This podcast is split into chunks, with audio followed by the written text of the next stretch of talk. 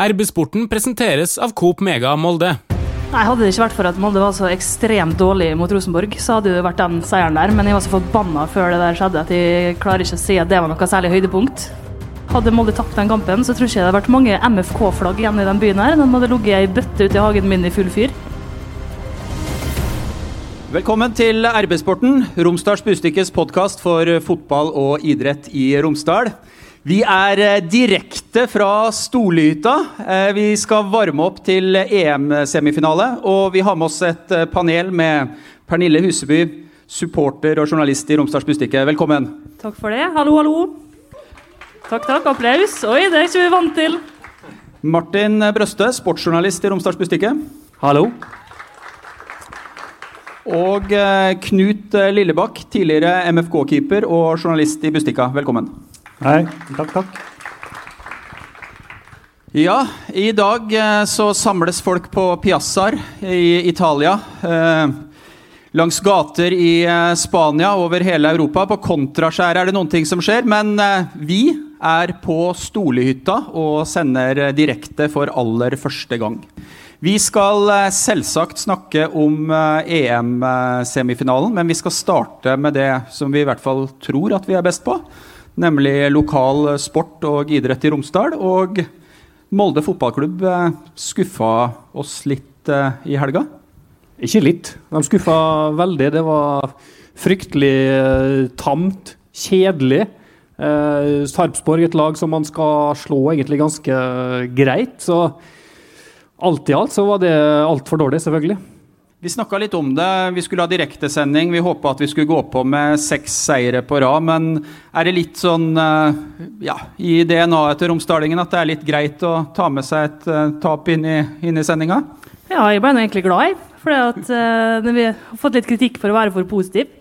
Så da kunne vi smelle løs og si at uh, om ikke jeg var fyllesyk fra før på søndag, så ble jeg i hvert fall det etter den kampen der. Eh, det er det kjedeligste jeg har sett i hele mitt liv. Jeg sklei lenger og lenger ned på sofaen. Til slutt så lå jeg omtrent på gulvet, og der ble jeg værende resten av kvelden. Du sovna jo på en kamp før i år. Sovna jo nå òg.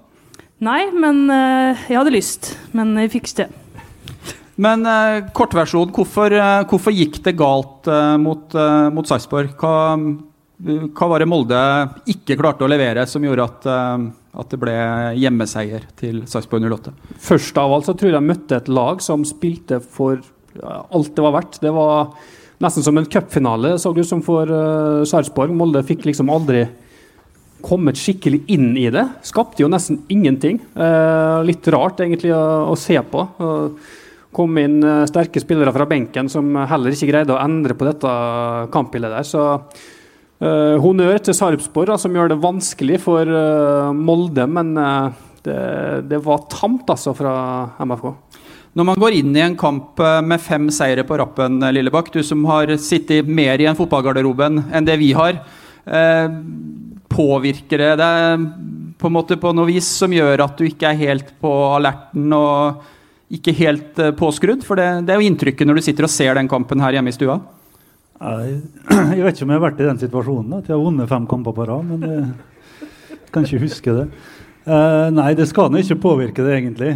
Uh, og så føler jeg at Når du først har begynt å vinne, så har du bare lyst til å vinne mer og mer. Og til slutt så føler du at uh, det er bare å kaste skoene ut på banen, og så blir det seier.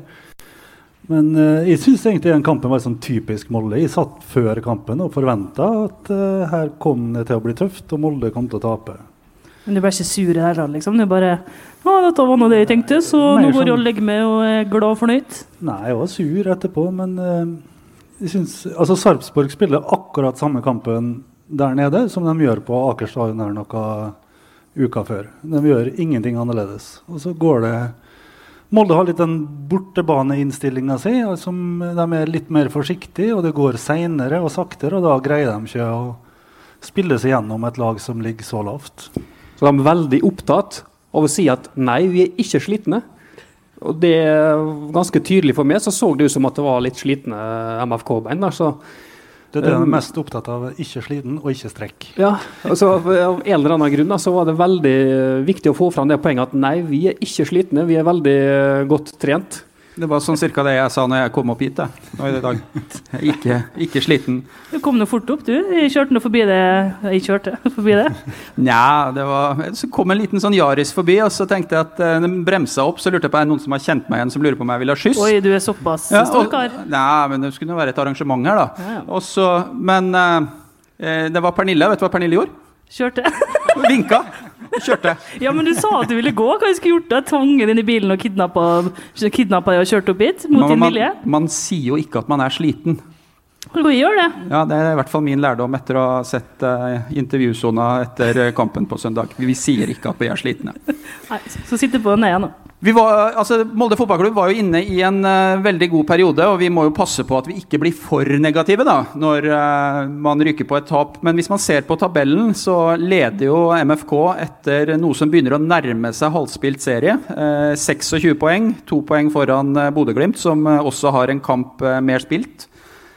Vi har jo snakka om gull i noen måneder eh, allerede, men er vi styrka eller svekka i troa på at eh, Molde fotballklubb skal ta hjem seriegull denne sesongen? Litt både òg, egentlig. Eh, Litt der jeg var før sesongen. At Molde på papiret har det beste mannskapet. Så spørsmålet om, om de gode toppene i laget, da, om de er der, sånn som du ser hos, hos enkelte andre. Men Glimt har begynt å tape eh, fotballkamper. Rosenborg ser jo ikke ut i det hele tatt. Uh, Vålerenga har eh, tapt en del kamper. så... eh, Sånn sett så ser det jo veldig lyst ut, og så kommer det et veldig spennende overgangsvindu for Molde sin del. De sier jo at de ikke skal ha flere ut. Jeg er ikke 100% sikker på det, men det kommer i hvert fall noen inn, og det blir artig også. Hva tror du er viktigst? Beholde de eh, nøkkelspillerne som vi vet at det er interesse for internasjonalt, eller å få på plass noen sterke erstatninger? Du må jo uansett ha erstattere på et tidspunkt, fordi at de kommer til, hvis de ikke går nå i sommer, så går de etter sesongen. Så da må du uansett eh, på et tidspunkt ha inn eh, erstattere. Men kontinuitet det er viktig. Se på Rosenborg nå, som har et helt nytt lag som ikke fungerer. Glimt har mista en god del. Litt samme der. Så jeg tror det er viktig å, å få beholdt dem, ja. Det er to eh, forskjellige situasjoner på de to spillerne som eh, skal ut. Eh, Markus Holmgren Pedersen er allerede klar for nederlandsk fotball og ferdig i Molde fotballklubb. OI skal være med ut sesongen. Hvordan er det å fullføre en sesong på utgående kontrakt for en toppskårer?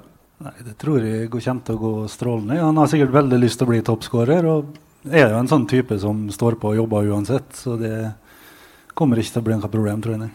Men er det ikke lett at kritikken veldig fort blir at uh, han skal bort om to-tre måneder hvis uh, formen uteblir? Akkurat nå så er det jo ikke så veldig mange andre alternativ. Da. Det er mange som skriker på Fofana. Han har akkurat fylt 18 år uh, ung og skal fases litt inn i det.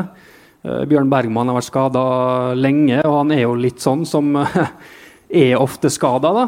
Eh, Så vet vi at eh, Aron Samuel sannsynligvis kommer inn som ny Molde-spiss ganske snart. Men han heller har jo ikke spilt kamp siden november i fjor, så han blir heller ikke den toppspissen. så Sånn sett så er jo OI ganske trygg da på plassen sin. Kan ikke du som er eksperten blant oss, eh, Martin, gi oss en liten kortversjon på, på Martin Samuel? Hva slags type spiller er det som MFK kan, kan få på, på om bord ganske snart? Nei, takk for å ekspert. Det er ikke hver dag jeg får høre det. Men eh, han er eh, et fysisk beist, rett og slett. Eh, råsterk. Han spilte jo i, i Vålerenga og Sarpsborg, men det var de i Sarpsborg at vi husker han aller best. da. Skårte en del mål der og var egentlig et angrep alene på et OK Sarpsborg-lag. Så hvis han først kommer i form, så tror jeg det kan bli veldig bra. Han er vel fortsatt 27 år, så han har jo en del år foran seg òg. Fordi at du er like gammel, da, eller? Det er derfor du sier det? Jeg er eldre. Ja, ja. Jeg så faktisk at han tok en selfie foran eh, Sparebanken Møre bygget i dag, så han er i Molde. Han er observert flere ganger i eh, byen, så vi vet at han er her. Det er bare snakk om eh, litt tid, så blir nok den signaturen klar veldig snart. Men eh, vi snakka overganger i eh, flertall. Hvor eh, ellers er det du tenker at MFK bør styrke seg for å være rusta inn mot en høstsesong hvor det skal spille NM, det skal spilles Europa, og man skal jobbe for, for seriegull? En høyrebekk må jo inn, så lenge den situasjonen med Harald Seid er såpass at man vet ikke helt når han er tilbake. Han er fortsatt ute en god stund, har vært ute veldig lenge. Erling Knutson er jo egentlig ikke høyrebekk, men nå er jo han den eneste på en måte som, som kan spille der, da, selv om Stian Gregersen har jo vært der nå de to siste kampene. Så det å få inn en høyrebekk, det er nok uh, første på, på lista, tenker jeg, når vi kommer til august. Hei, Hilde her, fra Coop Mega Molde. Kom innom og se vårt store, brede utvalg av mat fra lokale produsenter. Vi har også gavepakker til den som har alt. Velkommen til Coop Mega Molde! Vi eh, snakka litt om eh, tabellposisjonen. og Molde fotballklubb står med åtte seire, to uavgjort og eh, to tap så langt i Eliteserien. Jeg tenkte vi skulle driste oss frampå på noen uh, høydepunkt etter noe som begynner å nærme seg halvspilt serie. Pernille, hva, hva setter du høyest etter de første tre-fire månedene med ordentlig fotball igjen? Nei, Hadde det ikke vært for at Molde var så ekstremt dårlig mot Rosenborg, så hadde det vært den seieren der. Men jeg var så forbanna før det der skjedde at jeg klarer ikke å si at det var noe særlig høydepunkt. For da var jeg så nærme døden som jeg tror jeg har vært i mitt 32 år lange liv. Men uh, la oss bite oss fast litt der. Ja. Hvordan er Pernille Huseby når eh, Molde fotballklubb ikke leverer mot RBK? Nei, for å si det sånn, så Hadde Molde tapt den kampen, så tror jeg ikke det hadde vært mange MFK-flagg igjen i den byen. her. De hadde ligget ei bøtte ute i hagen min i full fyr. Så, så du hadde springet og ja, ja, ja, jeg hadde stukket på, jeg hadde gått opp i stige, og jeg har høydeskrekk. Jeg hadde gjort det, jeg hadde gått opp i lift, jeg hadde gjort alt. og Revet og røska ned alt jeg hadde funnet. Men blir ikke seieren da høydepunktet? nei, nei, nei, for jeg var så sint i forkant, så det hjalp litt. Men nei, så det blir nok bortekampen mot Bodø-Glimt. For den var jeg så sikker på at vi kom til å tape, og tvitra i to uker om at vi kom til å tape den kampen. Og så vant vi, og jeg måtte gå tilbake og bruke en liten halvtime på å slette noen flaue tweets. det er bra. Eh, du da, Martin, hva står igjen som på en måte høydepunktet, sånn som, sånn som du ser det? Du kan jo bite deg fra de litt mer sånn positive detaljer som vi vanlige folk ikke ser? Ja, nei, Det er nå de bortekampene mot Glimt og Rosenborg, selvfølgelig. da. Eh, seks poeng der. De kampene er så avgjørende nå, kanskje, da, til slutt, når vi skal telle opp om, eh, om det blir gull eller ikke. Det at du nå har de to lagene på hjemmebane, og i tillegg har slått dem allerede, da. det gjør jo at eh, Molde er i en kjempeposisjon. Så, så de to kampene er vel høydepunktene da, så langt. Lillebakk? Nei, Det må bli Rosenborg borte for meg. altså. Jeg har vært med så mange ganger og spilt mot Rosenborg hjemme og egentlig vært bedre enn dem og tapt. Og så opplevd den glisa du får imot deg på vei i garderoba der. Så det synes jeg måtte vært kjempedeilig å vinne en sånn kamp på Lerkendal. Altså det, det, var jo griseflaks, og det er jo det som gjør det ekstra deilig. da, Når du har sånn flaksseier på Lerkendal. Men eh, er det sånn at det er et lite høydepunkt at Rosenborg er så dårlig som de er? Ja, det er det største høydepunktet av alt. Glem Molde. Nei da, nesten. Selvfølgelig. For altså, på forhånd så tenkte vi at de kunne være en uh, konkurrent om gullet. da. Men ja, akkurat nå så ser det jo ikke sånn ut, heldigvis. Ja, det er, det sånn at vi rekordtidlig skal avskrive RBK? Altså... Jeg skrev allerede skrevet om før sesongen, i, så det var ikke rekordtidlig for meg. i hvert fall. Nå har ikke jeg med lesebriller, men det er bare ti eh, poeng? Men det er ikke noe som uh, Altså, det ser så dårlig ut. De er ikke gode. Nei, men uh, det kan jo bare fortsette sånn. Personlig så har jeg et litt annet type høydepunkt. For um, jeg er litt sånn motsatt av deg, Pernille. Hvis jeg først blir i dårlig humør, og så snur det, da, da blir jeg veldig glad. Og for mitt vedkommende så var Sarpsborg-kampen hjemme kanskje vårsesongens høydepunkt. Uh, en av årsakene er at det er en av de få kampene jeg har sett på stadion. Og det er jo veldig veldig godt å være tilbake igjen og se, se fotball. Eh, og så fylte Molde fotballklubb eh, hadde bursdag, så det var marsipankake på stadion. Og det syns jeg er strålende. Men Kake til absolutt litt, alle som kom. Ble ikke du litt trøtt av den kaka her? Jo, jeg ble søvnig. Så du eh, så egentlig ikke kampen? Så, så første, første, omgang var veldig, veldig kjedelig, syns jeg. Eh, dem som kan sport, prøvde å korrigere meg og si at det var da Rosenborg Nei, eh, Molde utmatta Sarpsborg, men det fikk ikke jeg med meg. De utmatta meg òg.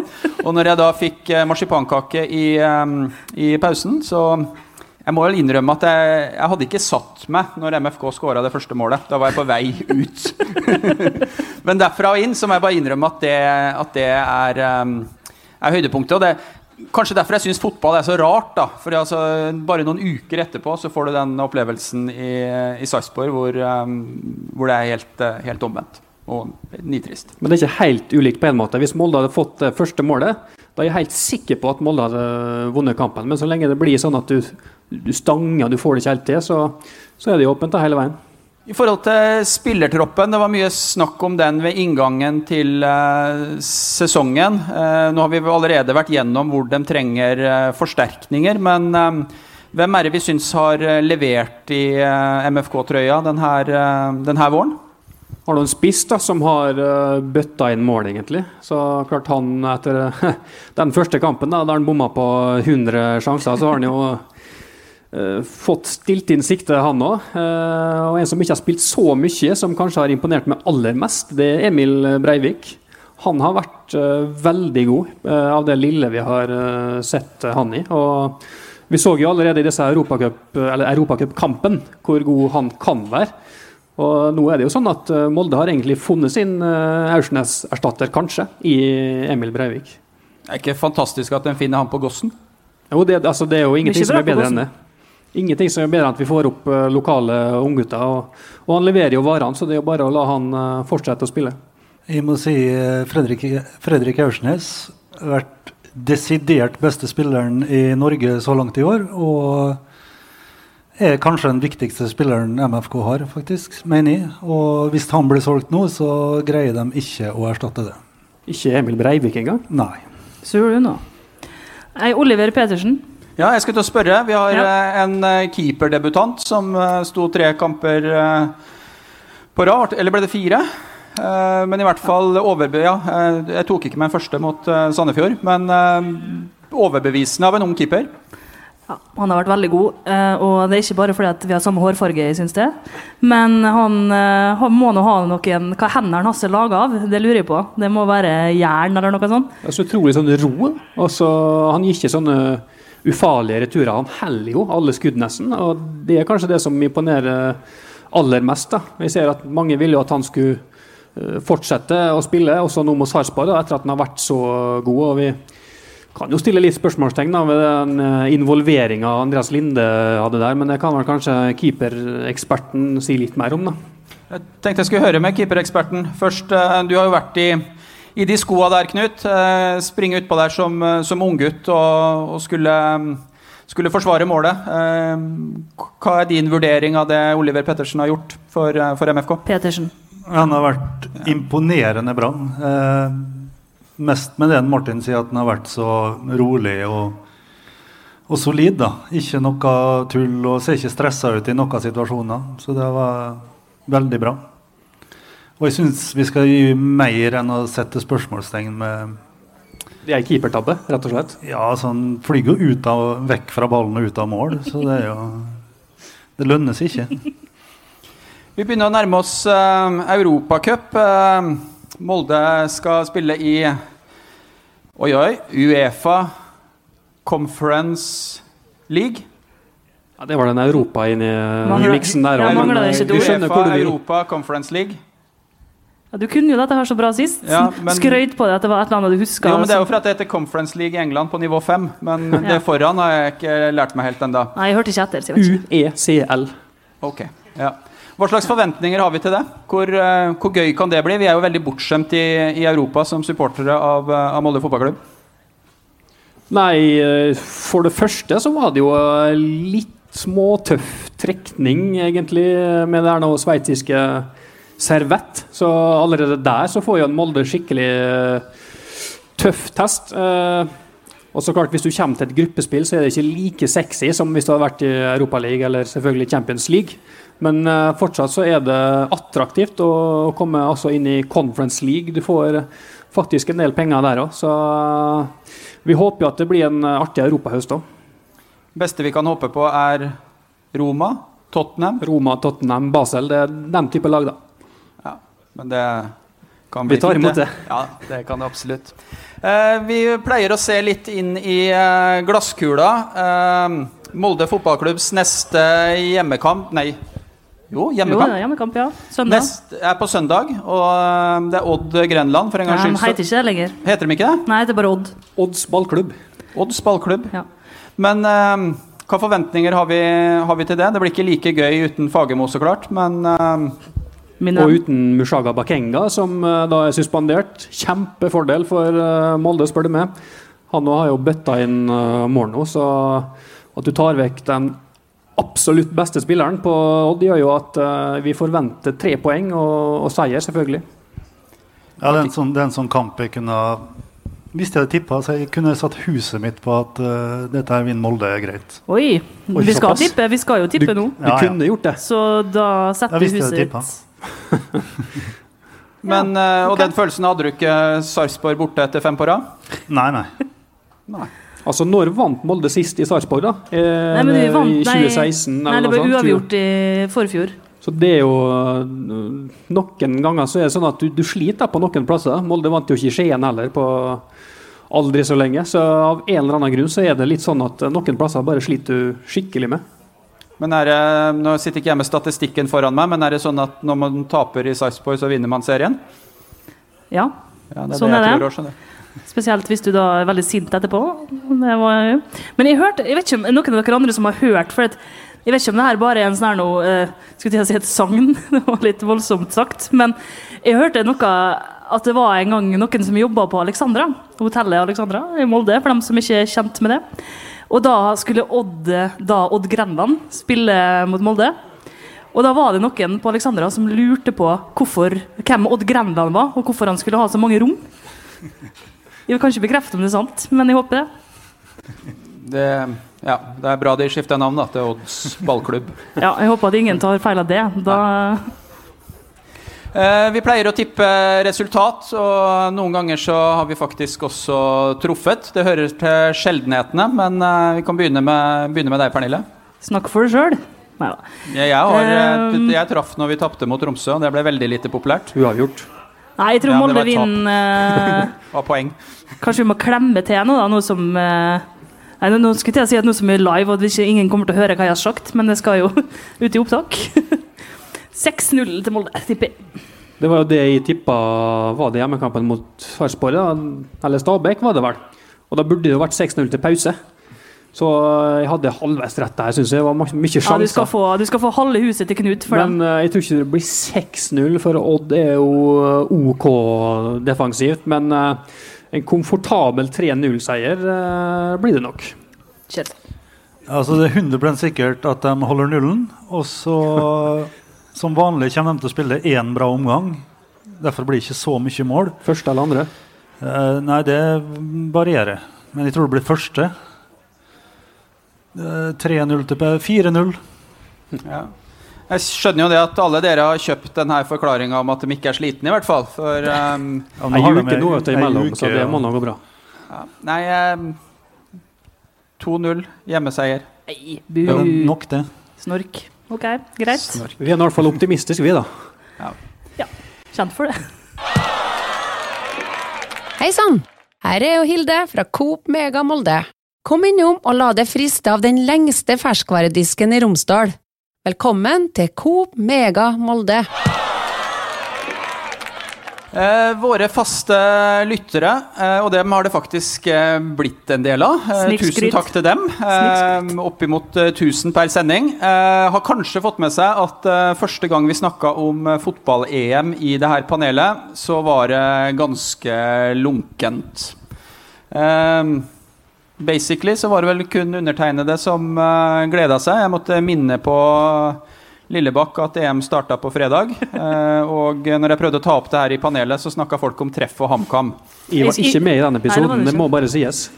Uh, nå er turneringa kommet fram til uh, semifinaler. Uh, det renner på med folk her som skal se kampen mellom Italia og Spania. Og først kan dere si litt om Ja, har interessen tatt seg opp? Eh, bryr dere dere? Ja, jeg svarte vel at jeg skulle på kino når eh, EM begynte.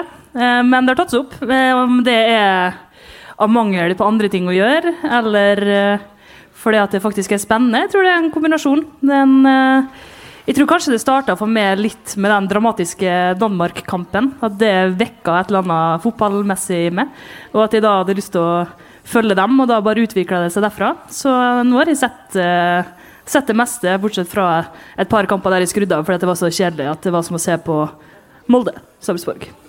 Du eh, prøver å distansere deg fra det sportsleder Hustad sa, som ja. var mer opptatt av uh, Hamar-kameratene og, og treff. Men, det er ikke Treff har jo, der har jeg jo vært og sett kamp, så der er vi enige. Men HamKam kommer ikke foran uh, fotball-EM, så jeg har jo fulgt med på det jeg kan. Det er jo ikke alltid lett å få med seg når det har vært tre kamper om dagen og, og se alt der, men vi prøver jo å få med meg så mye som mulig. og glad for at både Italia og Danmark da, er i semifinalen.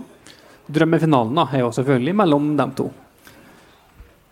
Lillebakk føler jeg at jeg raskere fikk med på laget, for det skulle ikke mer til enn eh, åpningskampen og det Italia viste der, før, eh, før jeg hadde en å snakke med. Nei, den interessen gikk eh, rett til taket, den, så jeg har sett masse. Og så det er ikke sånn kjempespennende å sitte og se på eh, Sverige-Ukraina, liksom. Men, eh, så noen kamper har jeg ikke sett. Men jeg har kosa meg. masse god fotball. og egentlig to drømmesemifinaler, tenker jeg. Ja, for jeg tenkte vi skulle begynne litt der. Det vi står igjen med nå, det er eh, England, Danmark, Italia og Spania. Hadde jeg fått lov til å plukke ut uh, fire lag, så hadde i hvert fall tre av disse vært med, tror jeg. Ja, jeg kan ikke se hvem andre som skulle ha vært med, egentlig. Det er jo så klart noen som er glad i Frankrike og Tyskland, og, men jeg syns det Syns det er helt nydelig. Vi kan jo, eh, Mot slutten nå også så skal vi jo selvsagt tippe hvem som vinner EM. Men uh, vi kan jo starte litt med hvem vi liker.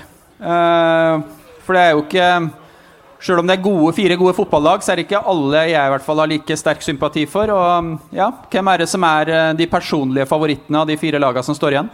Nei, altså jeg har ikke noen sånn voldsom utprega favoritt. Men hvis jeg Eh, må velge, så har jeg jo blitt glad i Italia underveis da, i mesterskapet. De har jo ikke alltid vært kjent for sånn fabelaktig fotball og, og, alt sånn, men de har vært veldig, veldig bra. og Jeg syns de fortjener å være i finalen. Spania har òg selvfølgelig gjort det godt. Det er jo de to lagene som har skåra flest mål, tror jeg. Det er ikke mange som hadde trodd, tror jeg, på, på forhånd. Og Danmark, selvfølgelig. Det er jo vårt naboland. så håper jo alltid at de gjør det godt. Og nå har jo den spesielle historien med Christian Eriksen da, gjort at man kanskje håper litt ekstra på at Danmark skal gjøre det bra. Så du klarer altså å nevne Italia Dan Danmark og, og, og, og, Spania? Du, du glemte altså. England. Jeg veit hvor du vil. Uh, jeg har bodd i England, men uh, Oi! Uh. Sorry. Men det greia, altså, hvis vi må velge mellom de fire som er igjen, så, så kommer ikke England uh, øverst, kanskje, foran Spania på en uh, god dag. Men det er litt sånn at alle i Norge skal heie på England. Jeg er helt enig, det er dritkjedelig. Jeg synes spiller dritkjedelig, orker ikke å se på. Jeg er ikke på England. Bort med dem. Så, så, Det må jo være mye enklere for folk å relatere seg til Danmark og nabolandene.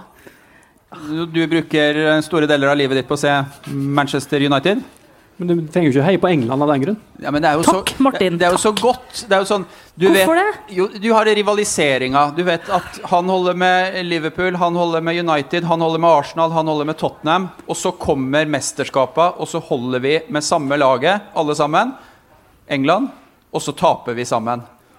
Men du vet at United er jo en litt større klubb enn eh, litt mindre lag som uh, ja, et tilfeldig eksempel av Everton. Så, sånn at United har jo spillere i, i ulike landslag da, som er med i mesterskapet. Så hvis en skal tenke sånn, så må, må jeg heie på Spania, Sverige og Portugal. I tillegg til England. da. Eh, Pernille, har ikke, jeg har forstått at du ikke liker England, men hvem av de, av de, fire som står igjen, er det som er ditt uh, favorittlag? da? Nei, altså Jeg liker jo, skulle jeg si, jeg liker egentlig ingen. Men uh, det er jo Danmark, da. Men sånn som Italia og Spania altså Jeg bryr meg egentlig ikke så veldig mye om hvem som vinner, men jeg heier på Spania fordi ingen andre gjør det. Så da må jeg gjøre det, så de får liksom en litt uh, en liten støtte fra meg. Uh, og så har jeg jo vært altså Jeg kan jo ingenting om uh, landslagene til Italia og Spania. Det har jeg ikke orka satt meg inn i. Jeg har, jeg har mye fritid, men jeg har ikke så mye fritid. Så Derfor tar jeg det basert på at jeg har vært begge plassene, og hvor gøy jeg hadde det da jeg var der. Og da jeg var i Spania, så var jeg 18 år og i Magaluf. Så da holdt jeg på å drukne på skumparty og valsa gjennom solbrente briter med lightsticks og blinkebriller. Mens, Det var da eh, du ikke begynte å like England? Ja. Og da jeg var i Italia, så var jeg 30 år og skal ikke si mer om det. Eh, men det var fint der, altså. Men eh, Magaluf vinner. Eh, tok ei en fin tatovering som jeg kan se på og tenke på. Jeg skal ikke vise den. eh, så ja, Spania for the win. Eh, Du nevnte at du har bodd i England, Brøste. Brøstet. Eh, Tror du det går an å beskrive den smerten som engelske fotballsupportere har hatt knytta til det å se landslaget sitt? Jeg tror på mange måter at det ligner litt på den smerten som mange nordmenn har følt rundt det å se det norske fotballandslaget ikke levere. Jeg tror det er mye verre i England. Jeg tror det er et helt annet perspektiv på det der. Altså, fotball står så høyt, og, og landslaget spesielt. Eh, De har enormt tro foran eh, hvert mesterskap, eh, virker det ofte som. Så blir de like skuffa hver gang. Men nå ser det jo utrolig lyst ut. da. De slipper jo ikke inn mål. Har jo fått seg en brukbar keeper, vil sikkert noen uh, si. da. Uh, Danmark i Vil noen semien. si? Jeg vet ikke hvem det er, så jeg bare står her og Ja, han, ja. De har jo fått lina opp nå da, med Danmark i, i semifinalen. Har fått en vei som på en måte har vært eh, litt sånn at England skal til finalen. og Per nå så er England favoritt til å vinne hele mesterskapet for min del. Jeg har levd eh, litt med den smerten sjøl. Jeg har egentlig to favorittlag i mesterskap. Og normalt sett så pleier da altså mesterskapet å være slutt for min del nå. Eh, For da har, eh, i hvert fall i nyere tid, England eh, gått ut. Eh, Jeg kommer riktignok til semifinalen i VM. Eh, Også det andre favorittlaget er, eh, er Italia. Men på furuveggen hjemme på Otta eh, så hang det en del eh, plakater eh, av fotballspillere. Og de aller fleste ble jo eh, Eller plakatene var jo av spillere som feira mål eller scora mål. Eh, men en plakat som egentlig jeg tror det var den siste jeg tok ned, det var av Paul Gascoigne. Eh, og det er når han gråter for England etter at England ryker ut. Og jeg frykter jo at det samme skal skje i morgen. Eh, men det er et eller annet som sier at, meg at det faktisk kan gå helt til finalen. Og for Englands vedkommende så tenker jeg at det vil være en enorm seier. Sånn at eh, den, det betyr egentlig Jeg tror altså, det betyr jo så De har jo lyst til å vinne, men, men jeg tenker altså det Mesterskapsspøkelset er begravd hvis de får en finale. Og en finale på Wembley kan de vinne òg. Ja, selvfølgelig. Nå har de jo semifinalen i tillegg, da, på Wembley. og alt ligger, som, vi sier, da, alt ligger til rette for at England skal, skal vinne her. Men du kan snu litt på det for Danmark sin del. da. Tenk hvis de skal nå komme til finalen. Det er gøy. Da For du, kan du ta et bilde av meg som griner og henge det på veggen din hjemme her i Molde. Altså, de, er, de er tørste i England, men jeg tror det blir litt uh, Tuborg og forskjellig i Danmark òg, hvis, uh, hvis det skulle gå til finale. Ja, det skal ikke være vanskelig å skrive god ingress på det. Altså. Eh, Jeg er absolutt enig i at, eh, at det vil være stort hvis eh, Danmark etter den første kampen skal nå finalen og, og faktisk vinne. Så det er litt sånn Før mesterskapet så var det mange som snakka om at Norge er ikke der, men vi er jo ikke så mye dårligere enn Danmark og Sverige. Jo, bare se på dette mesterskapet her. Norge er ikke i nærheten av dette nivået der. Jeg er så glad vi ikke er hjemme. Det er ett uh, finalelag som uh, vi ikke har snakka så mye om, eller egentlig to. Vi har ikke snakka veldig mye om Spania, men vi har heller ikke snakka mye om uh, Italia. Og det er mitt eh, andre favorittlag eh, når vi går inn i den, den siste fasen. Eh, er det bare jeg, eller er det noe spesielt med italienere når de spiller for, eh, spiller for landslaget sitt? Nei, det er noe spesielt med dem. Altså, jeg har alltid heia på Italia i mesterskap. Det er noe med Altså Hvis du ser en italiener skåre mål i et mesterskap, så går, du, du, du blir bare glad av å se på jublinga. Det er ikke noe falskt, det er bare vill glede. Det er sånn at du, Hvis du er skada, så blir du til og med frisk hvis Ja, du ja, ser ja. lagkameraten skåre. Ja da, det er alle, alle midler for å vinne. Du ser det jo på når de synger nasjonalsangen før uh, kampstart. òg, Så det er jo ingen andre som er, leverer på det nivået der. Tror dere at de spillerne egentlig er litt irritert på det kamera Nei, det er ikke mikrofonen som fanger opp lyden når de synger, eller tror dere at de eh, Tvert imot. Tror de er veldig ja, Nå snakker jeg ikke om italienerne, altså, for dem er ikke irritert, men jeg snakker om de andre. Kanskje de ikke er så veldig fornøyd på eh, det engelske landslaget. Men det høres ikke så vakkert ut. Men italienerne altså, En ting er jo hvordan de spiller fotball. Eh, en annen ting, og det fins det sikkert ulike oppfatninger om, men det er jo den utstrålinga det mannskapet har. De har jo eh, Altså, det skinner av draktene deres. Eh, de har vel i et, hvert eneste mesterskap så har de den best kledde manageren. Ser du ikke på sånt, Pernille? Eh, nei, men altså, det er jo ikke så rart at de er best kledd og har finest hår. Og 70% av dem bor vel fortsatt hjemme hos mor si, så hun vasker klær og ordner hår og passer på dem. Så. Tror ikke Giorgio Chiellini bor hjemme hos mor si. Jo, alle italienere gjør det. Det har jeg lest på Wikipedia. Men du ser jo De har alltid dette lagbildet da, før mesterskapet starter. Og de sitter jo der i enten Armani-dresser eller eh, det hotteste av det hotte. da. Og der er jo Italia i en egen klasse. Da veit du, Martin. Det ser de foran hvert mesterskap. De lagene som har kommet så langt, har vært eh, flinke til å bygge lag. Vi har jo sett eh, samholdet i den danske gruppa. Eh, den italienske, før de går inn nå, så er det vel kun én spiller i troppen som ikke har vært på banen. Han gjorde jo et symbolsk bytte hvor han eh, satt innpå en eh, reservekeeper siste to minutta nå i den forrige kampen. Eh, hva du tenker Knut? Eh, som reservekeeper, hadde du blitt overraska hvis noen hadde vendt seg mot deg og, og satt deg ut på de to siste minutta i en sånn kamp? Hadde du sett vitsen, liksom? Ja, jeg vet ikke hvordan eh, det er med regler hvis du vinner og får medalje, om du må ha spilt. Men uh, jeg hadde blitt sur hvis jeg hadde leda 5-0 og ikke blitt satt inn på de siste 30 sekundene, liksom. Og så har jeg ikke fått en medalje. Spania har jo valgt kun 24 spillere etter mesterskapet. Kunne egentlig hatt 26. Og da sa jo uh, manager Luis Henrique da, at uh, det var jo litt for at uh, han ville ikke gi to andre spillere ytterligere, altså enda flere da, skuffelsen med å ikke få, få spilletid. Så han valgte faktisk mindre, eller færre spillere, da, kun for, at, for å være litt snill. Etter sigende så det her Keeperbyttet til Italia var selvsagt initiert av treneren Mancini. og Han var jo spiller i Italia 90 uten å komme på banen selv. og Han sa at den smerten ønska han at færrest mulig i en tropp skulle, skulle oppleve. og Når han så han hadde muligheten, så valgte han da å, å bytte keeper når det sto igjen to minutter. Stor kar. Ja, Det eneste minuset med Mancini er at han har uh, trent feil lag, klubblag. ja. Hva da? Dere kan, dere må slutte å snakke i gåter. Jeg skjønner, si Snakk nå i fulle setninger. For, Nei, for Ole Bjørner som, eh, heier på Everton, Martin heier på United, Knut heier på Liverpool, jeg bryr meg ikke. Så vet dere det. For oss som har følelser til en røde del av Manchester, da, så har han vært i byen på andre sida. Okay. Det er litt sånn som Ja, nå har du, du har, Vi har blitt flinke på det. Vi sier Rosenborg. Vi, vi bryr oss Ja, ikke nei, vi slutta med det. Vi må, vi må bare si noe om dem så dårlige at nå kan vi si det. Ja, jeg er litt enig i det. At, uh... Det er litt sånn som Harry Potter, vet du, når de ikke kan si Voldemort til å begynne med, men så til slutt så er de ikke redd lenger, så da sier de det. Det er litt sånn. var en ganske god referanse. Voldemort er jo mer skummel enn Rosenborg da, akkurat nå. Ja, akkurat nå, ja. Men Åge Hareide er ikke så ulik når han er sint. Eh, kveldens eh, fotballkamp skal eh, bli avgjort eh, i kveld. Det vil si at vi faktisk kan oppleve å sitte på Storlihytta i eh, mørket og se på straffesparkkonkurranse.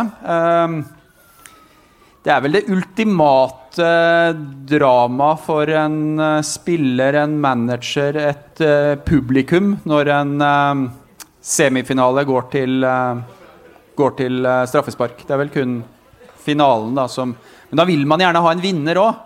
Så jeg tenker at semifinalen kanskje nesten er enda, enda mer dramatisk. Hvordan, hvordan er, er det å, å, å, å se på en straffesparkkonkurranse for, eh, hvis man er virkelig glad i et av lagene? Det er jo helt forferdelig. Og Det eneste jeg har vært involvert i, var jo på Norway Cup og en straffesparkkonkurranse. Tore Buksa sto på sidelinja og filma dette her. Det skal sies at de skårte da, i den eh, straffekonken vi vant. Har du den filmen, eh, Tore? Nei, så. Kunne brukt på julebordet. jeg synes jo det var helt Men er, er det riktig at han skåra? Ja, Ja. det er bra. Ja, det var tvil. Var ikke helt sikker. Ja, Da satte rival fem av fem straffer, og Stian Standal ble helt med, med redning på den siste straffa til uh, Klepp, tror jeg det var. Men eh, Når det var forferdelig å ta straffe på Norway Cup, så kan jeg bare tenke meg da, når du kommer på en semifinale i EM, hvordan er det? Kan vi få en serviett til Martin her? Han ble litt rørt av sin egen historie fra Norway Cup, så han trenger å tørke et par tårer. Men eh, som eh, eh, supportere så er jo en av de eh, straffesparkkonkurransene som vi har hatt eh, følelser til, eh, eller knytta til. Da var det jo du som sto i mål, eh, Knut. Ja, da var det sånn uh, David De Gea-nivå. Alt gikk inn. Så det har vi prøvd å glemme. Det var gode straffer, da. Ja, det var, det var gode, veldig gode straffer. Nei, vi snakker ikke om det der. Høyt, høyt nivå. Men går man og tenker på det etterpå? At det var én eller to av dem man kanskje kunne tatt eller sett, eller eh, Ja, ja. Første straffa kunne jeg ha tatt. Den gikk under meg, så det, der burde jeg ha vært, kanskje. Når vi har sett de straffesparkkonkurransene som har vært eh, så langt i, eh, i turneringa, de står jo nå og følger med på en helt annen måte enn Jeg vil nesten si enn da du sto i mål, for uh, dere fikk lov å ta fem centi ut på straffene. Eller fikk lov, Ja, nei, det, var, jo- det, var jo men- det var jo ikke lov da heller, men uh, de gjorde jo det. Og nå har du jo VAR som går inn og sier at den er én centimeter utafor linja når straffa går, så da er den ikke noe bønn. Det ødela jo litt når du- Sveits da var i, straffekonk og slo Frankrike der. Det største som har skjedd omtrent i, i nasjonens fotballhistorie. Så må keeper, etter at han har redda den avgjørende straffa, han må stå i to sekunder og se bort på linjemannen. Ok, Var, var dette godkjent? Før de begynner den elleville er, jubelen. er, det- er det så ille at de er instruert til det? At de har fått beskjed? Jeg vet dommeren gir beskjed før straffekonken ja, at de skal vente med å juble. Men i forhold til det der med å stå på streken, det kan jo bli straffesparkkonkurranse i kveld. Eh, Jeg syns at en del av keeperne har begynt å stille seg inne i mål. Ja, det gjør de helt sikkert. Står inne i mål og så et steg ut når eh, skuddet kommer. Ja. Det er kanskje opplagt, men for oss som ikke står eh, i mål til daglig Hva betydning er det det der å få det steget fram, sjøl om du uansett da i dette tilfellet blir stående på streken? Det spørs hvor mye jeg skal begynne å vise her oppe. men Kom igjen, Knut. det er, ingen, det er ingen som hopper rett sidelengs. Du hopper på skrå ut. Kan du ta, Så du kan må du ta ha et steg fram. Og da kommer du det lenger. Og hvis du da skal begynne på streken, så havner du fort utafor streken når straffa går. da. Det derre psykologiske spillet ehm, Det er jo ulike tilnærminger til det fra ulike keepere. Han som er min favorittkeeper, han står og det er jo så vidt han når opp i tverrliggeren, men han hopper i hvert fall opp og slår i, i, i tverrliggeren, sånn at den skal dirre før, eh, før motstanderen tar straffe. Hva, betyr det noen ting? Nei, altså, Det vet jeg ikke, men eh, det jeg husker fra all statistikk, er at til lengre tid det tar for en å ta straffespark, til større sjanse blir det at den bommer. Så til mer sekund som går før den får skyte, til større sjanse at det blir bom. Og det er i hvert fall en ting jeg husker av statistikk. Så det å på en måte være med og bidra til at tida går, det er et godt eh, keepertriks for å få Ja, det er det. Bruke litt ekstra tid på å komme seg inn i mål, og gjerne gå litt fram. Og la fyren stå der litt. Hvis det skulle bli straffe mellom Italia og Spania, hvem tror vi er best rusta hvis man liksom skal se på ja, Man kan velge om man vil se på straffeskytterne, men man kan jo også tenke på psyken. da. Altså, hvem, hvem vil levere i en sånn situasjon, tror vi? Donnaroma. Det er min uh, keeperfavoritt i dette mesterskapet. Han kommer til å bli avgjørende hvis det blir uh, straffekonk. Så enkelt er det. Han er enorm. Han er enorm, og det er jo noe med den presensen. Når du, altså når du står der og det står et beist inni målet her. og liksom, vet ikke hvor du skal skyte hen. Ser du på straffene når det er lag du er glad i, Pernille? Eller er det, du har nevnt tidligere for oss at du kan, kan gjemme deg hvis det blir litt for spennende? Nei, jeg har aldri sett en hel straffekonk med Molde. Eh, når det var, jeg var semifinalen i cupen i 2013. Da lå jeg bak sofaen. Eh, men det er derfor jeg syns det er så kjekt å se på straffekonk i EM, for nå kan jeg aldri se på. Så nå får jeg liksom se hvordan det er. Men jeg tror nok aldri at jeg kommer til å klare å se en straffekonk med Molde. Det er det kanskje det verste som fins. Molde-Karabag i fjor høst. Så ikke. Ja, det var herlig. Det, det som var herlig med Molde Karabag, var at jeg fikk bildene inn ca. 3-4 sekunder før alle andre. Så jeg så redninga til Linde, og så kunne jeg bare vente på jubelen ellers i rommet, og det var herlig. Ja, det var det sikkert. Jeg så ikke på. Ja, eh, det er like før eh, oppkjøringa til eh, den virkelige kampen starter. Og da kommer det eksperter inn på skjermen her som kanskje er mer kunnskapsrike enn oss. Så vi er i ferd med å, å runde av denne episoden av RB-sporten. Vår aller første som har gått direkte. Vi skal ta en kjapp runde gjennom panelet også på hvem som vinner Europamesterskapet i fotball. Jeg vil eh, som vanlig forbeholde meg retten til å tippe til slutt, så vi starter, eh, Pernille. Ja, nei, så alle tror det er Italia, så tipper jeg Danmark. Som du håper vinner, eller som du tror vinner? Som jeg Nei, altså, jeg veit ikke. Så jeg håper og tror, eh, sikkert.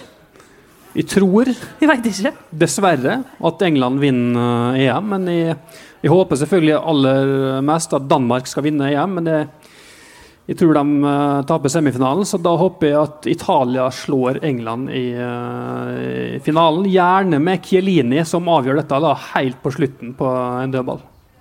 Jeg vil du at han skal skåre, eller vil du at han skal redde på strek? For han jubler jo like mye uansett. Gjerne begge deler. Lillebakk, hvem vinner EM? Uh, håper på Italia. Ganske sikker på at England vinner. It's coming home. Til eh, dere som eh, fulgte sendinga på RB-nett, eh, tusen takk for følget. Til dere som hørte på denne episoden av RB-sporten. Takk til deg også. Dersom du abonnerer på RB-sporten der du abonnerer på podkast, så får du beskjed når en ny episode er klar. Til publikum her på Storlihytta, tusen takk for at dere orka å høre på oss snakke om fotball i 45 minutter. Måtte det bli en herlig semifinale som vi kan glede oss over. Tusen takk. Hei, Hilde her, fra Coop Mega Molde. Og Coop Mega Molde finner du alt du trenger til både hverdag og fest. Kom og la deg friste av den lengste ferskvaredisken i Romsdal. Du finner også et stort og bredt utvalg mat fra lokale produsenter. Velkommen til Coop Mega Molde.